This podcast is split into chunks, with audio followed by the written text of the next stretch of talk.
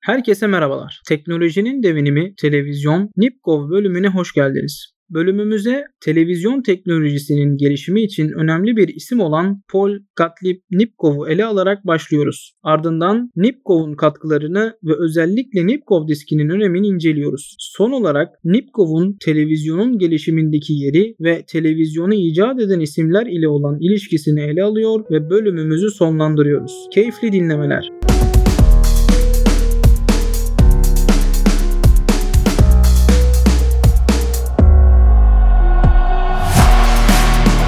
Serhan Hocam hoş geldiniz. Hoş bulduk Mücahit. Hocam bugün yine teknolojinin devinimi serisinde televizyon bölümlerini konuşmaya devam ediyoruz. Televizyon bölümlerini tabii bu kadar uzun konuşmamızın sebebi televizyonun teknolojisinin içinde barındırdığı, yakından ilişkili olduğu, uzaktan ilişkili olduğu teknolojiler ki bunların derinlerine inmeye çalışıyoruz artık. En son konuştuğumuzda da yine temel bilimlerden bahsetmiştik. İşte kuantum fiziğindeki gelişmelerin televizyon etkisinden tutun da ta işte Gılgamış destanında tablet üzerinde bulunan belli pasajlara kadar bu noktalara kadar derinlere inmeye gayret ettik. En son konuştuğumuz noktada ise kara cisim ışımasından, spektrogramdan, Maxwell'in çalışmalarından, Faraday ve Rajat'ın çalışmalarından bahsetmiştik. Artık şunu söyleyebilecek kıvama geldiğimizi düşünüyorum televizyon teknolojisi adı altında çalışma yapmayan insanlardan bahsetmiştik ki bunların televizyona katkısı çok büyüktü. Artık geldiğimiz noktada televizyon teknolojisi adı altında artık çalışmalar devam ediyor. Burada da televizyon başlığı adı altında e, gelişen teknolojiden de bahsederken karşımıza bir isim çıkıyor. Bu isim de Nipkow. Bu noktada aslında sözü direkt size vermek istiyorum hocam. Nipkow'un televizyon teknolojisiyle olan ilişkisi, katkıları nelerdir? Öncelikle bana tekrar bu platformda yer verdiğin için teşekkür ederek başlamak istiyorum Mücahit. Senin de söylediğin gibi güzel bir giriş oldu. Yani neden televizyonu bu kadar uzun uzadıya konuşuyorsunuz? Zaten serinin muhtemelen tamamlandığında dinleyenlerimiz de fark edeceklerdir. Öyle bir teknoloji ki insanın hayatına evinin içerisinde mevcudiyet bulan, yani anlamlı olan üründen bahsediyorum. Paradigmayı değiştiren, sosyal ekonomik, bilimsel tarafını zaten konuşuyoruz. Yanları olan, bugün hala yaşamakta olan, kendisini mevcut teknolojiler altında yenilemeye de uygun ve bu konuda da çeşitli çalışmaların yapıldığı çok önemli bir teknoloji. Tabii televizyon deyince zaten daha önce de konuşmuştuk. Dinleyenlerimiz de farkındadır. Televizyon bizim evimizdeki son ürünün adı. Ama bu ilişkiler ağı, bu teknolojik devinimler yumağının sınıflandırması yapılsa tabii ki bu bir işte verici sisteminden başlayıp bir haberleşme sistemi olarak da bakılabilir. Biz bunun son halkasından bahsediyoruz. E, bunun çeşitli cihetleri var. Yalnızca iletişim, haberleşmesi nasıl yapılıyor diye günlerce konuşulabilir. Ama son ürünün evimize gelen sürümü kanlı canlı karşımızdayken tabiri caizse bunların buraya nasıl geldiğini söylemeden zaten gidemiyoruz. Çünkü sizin bunu ürün haline getirmeniz belki bugün yine konuşacağız. Evinize gelen elektrik şebeke sisteminin özellikleriyle bir arada onlarla yoğrulan bir standartlar ailesine tekabül ediyor. İşte hemen girişte dinleyenlerimiz için söyleyelim. İşte Amerika'da kullanılan NTSC standartının saniyede 60 kare olmasının Amerika'daki şebekenin 60 Hz olmasıyla Avrupa'dakinin 50 Hz olmasının ve 25 kareyle doğrudan ilintileri var. Yani bu böyle televizyon teknolojisi uzaydan indi hemen evimize konduk diyemeyeceğimiz komplikasyonda, giriftlikte, ağda, yumakta olan bir teknoloji. Yani bunu da ben de senin söylediğine paralel bir şekilde kendi hissiyatımı da katarak böyle söylemek istedim. Çünkü gerçekten olaya bakıldığında televizyon amma çok konuşuldu da denilebilir. Böyle bir bakış açısı da var ama tekrar ediyorum ya bunun son ürün olarak evimize gelmesi ve ondan sonra olanlarla ondan önce olanlar bir paradigma değişiminin bence kesinlikle işaretçisi. Bunu böyle söylemek istedim dinleyenlerimiz için. Şimdi sözüne geri gelirsek karşımıza Nipkow çıkıyor. Sen de çok güzel özetledin bundan önceki tarihsel devinimi. Artık senin de söylediğin gibi bir görüntüyü artık uzağa aktarma konusunda tarihsel süreçlerden geçtiğimiz yerlerin çok ötesinde artık bunun kabaca mekanik ve o günkü teknolojiler düşünüldüğünde elektrik bakış açısı altında iletilmesinin mümkün olduğu döneme doğru geliyoruz ve burada da söylediğin gibi Nipkow'un adı çıkıyor. Şimdi Nipkow'un adı neden öne çıkıyor? Daha sonra belki yine bugün konuşuruz. Nipkow'un geliştirdiği teknik birazdan konuşacağız. Nipkow'un geliştirdiği teknik üzerine inşa edilen teknikler Nipkow'un tekniğinin yetersizlikleri üzerine inşa edilen bir başka kol ve hala bunu alıp daha da bambaşka yere götüren tabii o zamanki teknolojinin gelişimi de göz önünde bulundurularak paralel kollardan ilerleyen bir yapı çıkacak karşımıza. Ama Nipkow sanki hani nasıl nirengi noktaları saymıştık Huygens gibi, Maxwell gibi, Faraday, Rajat gibi, Bain gibi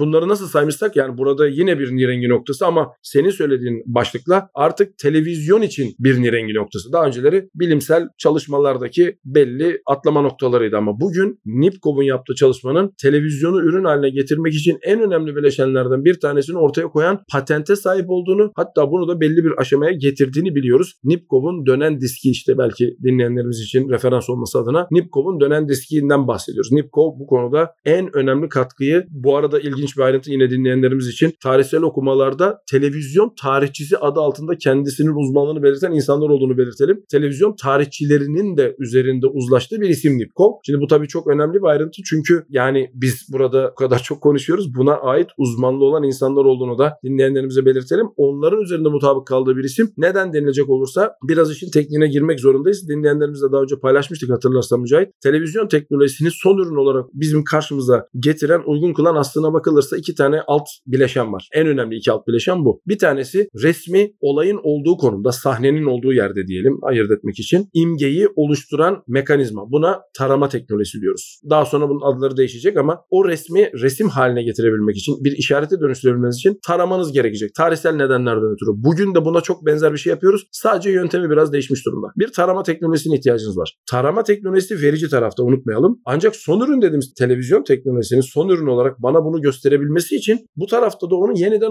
oluşturmasına ihtiyaç duyuyorum takdir edersiniz ki. Arada iletim hattı var orada ne olduğunu daha sonra konuşuruz. Taranmış bir işaretin öbür tarafta tekrar oluşturulması. Öbür tarafta tekrar oluşturulması için yine beyne atıfta bulunalım. Aslında eşdeğer problemi senkronizasyon diyoruz. Yani senkronizasyonu çözdüğünüz takdirde oluşturmanın çok büyük bir kısmını halletmiş oluyorsunuz ama taramanın nasıl olduğunu henüz söylemedik dikkat ederseniz. İşte bu kısa girişte Nipkov taramanın nasıl yapılacağına ait, bunun nasıl yapılması gerektiğine ait hala bugün standardının izlerini taşıdığı teknolojiyi kullandığımız kendi adını taşıyan bugün tabii itibariyle kendi adını taşıyan diski icat etmiş ve bunun patentini almış durumda. Yanlış hatırlamıyorsam 1884 açıklamaları da bırakırız bunu. Şimdi bu paradigmanın değiştiği yer. Çünkü bu an itibariyle artık tarama probleminin nasıl göz önünde bulundurulacağı en azından çalışan bir kopyanın ortaya konabilmesi için herkesin eline ulaşabilen bir sürümün ortaya konduğunun göstergesi. Nipkov bu yüzden önemli. Nipkov verici tarafta imgenin tarama yöntemiyle bir işarete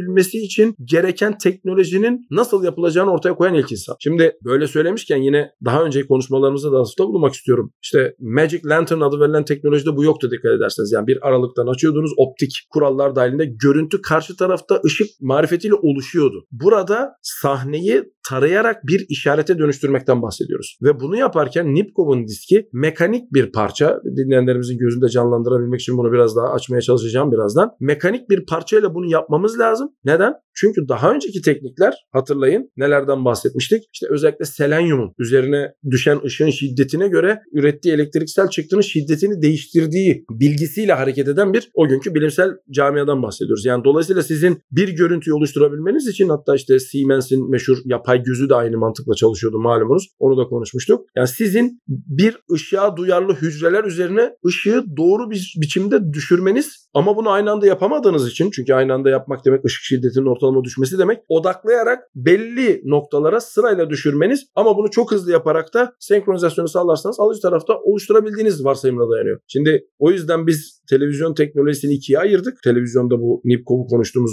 noktada verici taraftaki taramanın yeterince hızlı ama bir kurala göre yapılmasını sağlayan bir mekanizmaya ihtiyaç duyuyor Nipkov. Dolayısıyla icadının en kritik noktası burası. Geriye kalan problem ne? Eğer biz bu mekanizmayı düzgün senkronizasyonu sağlarsak alıcı tarafta zaten tersine çevirebiliyoruz. Çünkü benzer materyaller selenyumun tersi gibi çalışan materyaller var. İşte örnek fosfor. Siz üzerine belli bir enerjiyi düşürdüğünüzde bu sefer parıldayan bir şeyden bahsediyorsunuz. Yani tersi teknoloji var. Dolayısıyla tek yapmanız gereken ne? Odaklanan küçük bir bölümdeki görseli belli bir hücreye düşürüp oradan bir işaret üretmek. Bu işareti haberleşme kanalıyla taşımak. Taşıdığınız yerde anahtar kural ne? Senkron bir şekilde o görüntüyü ilgili ışıldayan hücreye düşürebilmek. Şimdi bu gözümüzde canlandıysa eğer şunu söylememiz gerekiyor. Peki Nipkov'un diski nasıl bir disk? Önemli bir ayrıntı. Daha önceleri stroboskop deneyinde de, stroboskop gözlemlerinde de, insanların bunu daha önceki deneyimlerinde de gördüğü üzere bir diskin üzerine belli aralıklarla bizim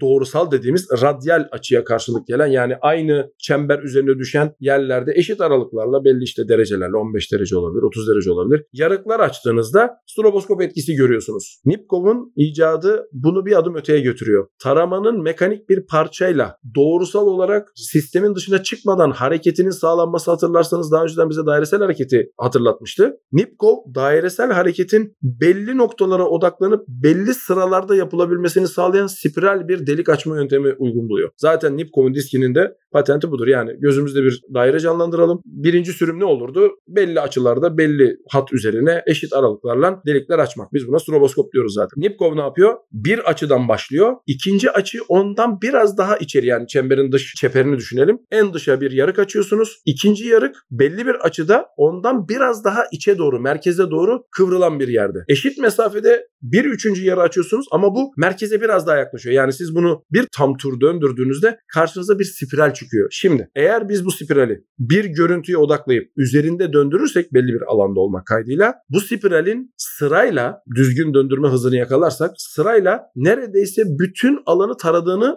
doğrusal bir şekilde taradığını görüyoruz. Şimdi takdir edersiniz ki ben bir çemberin üzerine eşit aralıklarla yarıkları açsaydım ve döndürseydim stroboskop etkisi görecektim ama ne olacaktı? Yarığın ulaşmadığı yerdeki yerlere asla ulaşamayacak. Nipkov'un dehası burada ortaya çıkıyor. Nipkov spiral bir delik açma paterni eşit aralıklarla olmak kaydıyla spiral bir delik açma paterni kullanarak, örüntüsü kullanarak düzgün dairesel hareket yaptığında o spiralin deliklerinin o baktığı yeri, o baktığı hattı, o baktığı alanı düzgün doğrusal bir şekilde taradığını kanıtlamış oluyor. Yani ne yaptık? Biz dairesel hareketi, dairesel hareket kullanarak özel yarık formasyonuyla doğrusal harekete çevirmiş olduk. İşte bu bizim taramanın aslında kritik noktası. Nipkov'un patentinin kırılma yarattığı yer burası. Bununla alakalı mekanizma daha önce ortada yoktu. Nipkov'un patentinin tırnak içerisinde televizyon tarihçilerinin de üzerinde mutabık kaldığı sürümüyle bu olduğunu söyleyebiliriz Mücahit. Hocam şimdi siz spiral tekniğinden bahsettiğiniz zaman benim aklıma kendi yapmış olduğumuz Tapilab içerisinde stroboskop deneyi geldi. Şimdi bu deneyleri yaparken karşılaştığımız şey resmin üstüne yine size bahsettiğiniz resmin üstüne gelen ışığın uygulanan ışığın gerçekten kuvvetinin çok önemli olduğu. Yani burada sürekli deneylerde gerçekleştirdik. Bütün parametreleri değiştirmeye çalışıyoruz. Işığın burada çok önemli bir rol oynadığını gördük. Işığın ne kadar kuvvetli verirseniz gücünü resmin o kadar netleştiğini, kalitenin arttığını görüyoruz. Ki Nipkov'un da tekniğinin buna benzer bir şey olduğunu görmüş olduk. Hocam bir de bu noktada Sprel'in dönüş hızı da önemli bir faktör. Burada aslında dönüş hızı ile ilgili sizin biraz daha detaylı bilgi vermenizi isteyecektim. Şimdi senin de söylediğin gibi Mücahit ışık çok önemli. Işık şiddeti zaten tarihsel gelişiminde de göreceğiz. Televizyonun tırnak içerisinde son ürün haline gelebilmesi için televizyon yayını adı verilen bir şeyin ortaya çıkması gerekecek. İlerleyen zamanlarda konuşuruz. Ya burada ilk yayınların da canlı yapılmak zorunda olduğu gerçeği ortaya çıkınca yani kayıt teknolojisi falan filan yok piyasada. Şimdi bunlar o teknolojinin nasıl hayata geçeceğini şimdi artık evimizde televizyonu aldığımızı varsayalım ya bir yayın olmak zorunda. Şimdi o yayını nasıl yapacağın yani verici taraftaki problemleri de çözmen gerekiyor yani gördüğün gibi. Şimdi Nipkov verici taraftaki problemi kabaca nasıl çözdüğünü iddia ediyor ama Nipkov'un senin de söylediğin gibi çözüm dediğin şeyin tek bir ciheti yok. Yani o kadar farklı parametreleri var ki ışık şiddeti kesinlikle bunlardan en önemlilerinden bir tanesi. Hatta tarihsel okumalar gösteriyor ki Nipkov mekanizmaları veyahut da Nipkov'a benzer süreçlerle bir resmi verici tarafta üretmek için gerçekten insanların çok zorlu anlar yaşadığına dair okumalar da var işte. Çok kuvvetli ışığı bu sefer eğer bir insanın bir haber okumasını istiyorsanız ya da bir şey yapmasını istiyorsanız ya suratına yansıtmanız gerekiyor. Bu da orada haberi okuyan kişinin durumunu düşünüyor. Yani çok gerçekçi olmuyor yani çok verimli olmayabilir. Dolayısıyla böyle uygulanabilirlik problemleri var ki güç zaten başlı başına problem o zaman. Yani sizin bu kadar kuvvetli ışığı üretmeniz, bu ışığın çözünürlüğünün ve yoğunluğunun hep aynı şekilde kalmasını sağlayacak enerji altyapısına sahip olmanız ya da bunu kontrol edecek elektriksel devrelerin ve mekanizmaların ortaya konması zaten başı başına problem. Ama senin de söylediğin gibi tek problem bu değil. Az önce de söyledik. Ya bu şekilde döndürdüğünüzde spirali bir tane problem ortaya çıkıyor en başta. Verici tarafta bu, alıcı tarafta bunu senkronize etmen gerekecek. Yani oradaki spiralin dönüşünün hangi bölgeyi taradığına dair bilginin de senkronize olabilmesi için alıcı tarafa iletilmesi gerekecek. Yani aksi takdirde ne olur? Yani sen bir görüntü tararsın, öbür tarafta kendi kafasına göre onu alır. Ortaya hiç anlamsız bir görüntü çıkabilir. Dolayısıyla birinci problemimiz acaba bu senkronizasyon problemi nasıl çözülür olacak ki bununla alakalı da zaten beynin yaptığı çalışmalar bize kabaca bir şeyler söylüyor. Ancak beynin çalışmaları tekrar ediyoruz. Fax dönemine ait çözümler yani arada böyle bir dakikalık, iki dakikalık hatta belki on dakikalık gecikmeler olduğunda anlamlı şeyler ama siz televizyon teknolojisini ben televizyonu yaptım derseniz karşınıza bu tarz gecikmeleri bertaraf edebilecek bir teknikle geliyor olmanız olmanız lazım. O zaman adı dediğim gibi yani çok hızlı çalışan fax olur ki bunu istemiyoruz. Ama